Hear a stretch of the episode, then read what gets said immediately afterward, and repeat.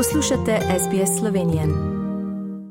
Poslušate slovensko dan na radiju SBS širom Avstralije in po svetu v soboto 11. februarja 2023.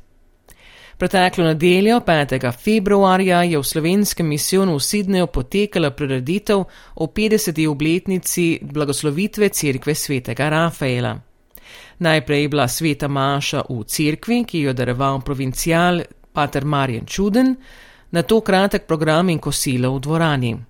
Program je pričel s pozdravom vseh gostov, posebno tistih iz Slovenije in tudi slikovna predstava svetega Rafaela skozi čas, ki jo pripravlja Mirjam Stariha. Nekateri časti gostje so spregovorili, najprej se je oglasil voditelj slovenskega misijona v Sidneju, pater Darko Žnidršič. Nekateri pravijo, da je 50 let kratka doba, ko imamo Slovenija že tudi častitljivo zgodovino, nekatere cerkve, nekateri rodovi, nekatere znamenitosti še večjo. Naš sveti Rafael je seveda že malo starejši, 50-letnica ali srečanje z Abrahamom, kot temu rečemo, pa je od blagoslova cerkve, ko je bila izuzeta iz posvetne rabe in izročena bogoslužju in našemu občestvu.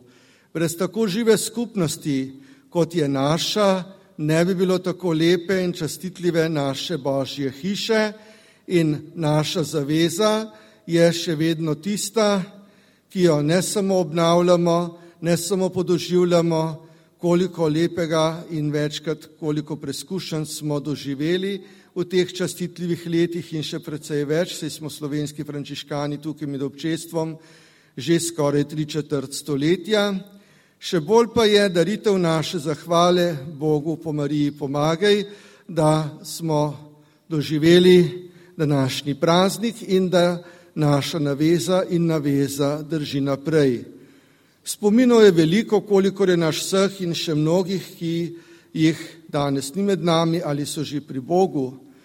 Naša dediščina že tudi tukaj postaja lepa, častitljiva in s tem, ko bomo pustili to sled in sled v srcih, da bo tudi naše življenje velika hvalnica Bogu in ogledalo vsej slovenski skupnosti na vseh straneh sveta in naš ponos. Sledil je slavnostni govor nekdanjega častnega generalnega konzula Republike Slovenije v New South Walesu Alfreda Brežnika, ki je med drugim dejal. Blagoslov ali krst tega našega božjega hrama, svetega Rafaela, prve slovenske cerkve v Sidneju, bolj natančno v Merelencu ali Veselovem, kot je ta kraj imenoval pokojni pater Bernard Ambrožič, je opravil 14. januarja 1973 ljubljanski pomožni škof dr. Stanislav Lenič. Prvi, ki so zavorali celino in sadili seme, naše žive crkve, povdarjam žive, v, v takrat še relativno majhni slovenski skupnosti bili patri frančiškani. In ti so še danes z nami. Ne morem si predstavljati slovenske skupnosti v Sidniju brez njih. So del našega občestva, za nami so doživljali in kovali našo usodo. Hvala vam vsem, dragi frančiškanski patri, pa sestre frančiškanke brez mladežnega spočetja, ki so dolgo leta bivali med nami ter skupaj z nami gradili to naše svetišče. Če bi hotel vsakoga posebej imenovati, bi bila lista predolga. Poleg tega bi bilo tudi nevarno, da bi koga zgrešil. Zato naj moja zahvala danes velja vsem.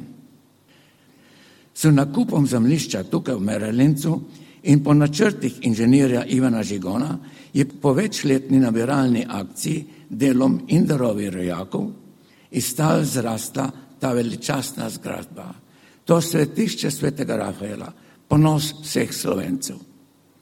S poznejšo izgradnjo dodatnih stavb, kot so dvorana in sestrski dom, je ta kompleks postal ne samo versko, temveč tudi kulturno središče slovenske skupnosti v Sidniju trdnjava slovenstva v New South Walesu v vseh ozirih s pomočjo patrov, posebej tistih, ki so bivali pri nas dalj časa in so se svojo dobro voljo in zagnanostjo postili svoj pečat. Na koncu pa se je tudi oglasil provincial slovenskih frančiškanov Pater Marjan Čuden, ki je tudi dal blagoslov za kosilo. Kar se mi lahko od vas naučimo, je ljubezni do domače zemlje. Cankar je rekel pisatelj, če se hočeš naučiti ljubiti domovino, pojdi v tujino in hodi po, po, po domači zemlji kot tujec, da boš opazil njeno lepoto.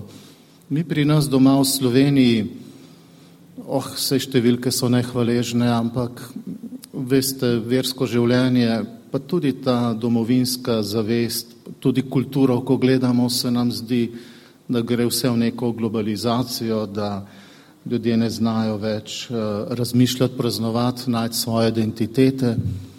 Ampak dokler bomo tako se z vami srečevali, bomo vedeli, kdo smo, kam ne gre naprej naše prizadevanje ki je naše srce, ki je naša srčnost. Kdor zgubi kulturo, zgubi pravzaprav temelj, na kateri stoji. Kulturi spada zraven ne samo jezik in pesem, ampak tudi način razmišljanja, predvsem pa vrednot.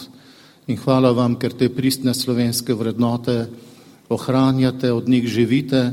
Med temi pristnimi slovenskimi vrednotami je pa na zelo visokem mestu gostoljubnost, ki jo tudi danes uživamo in hvala vam za to, za že za lep sprejem.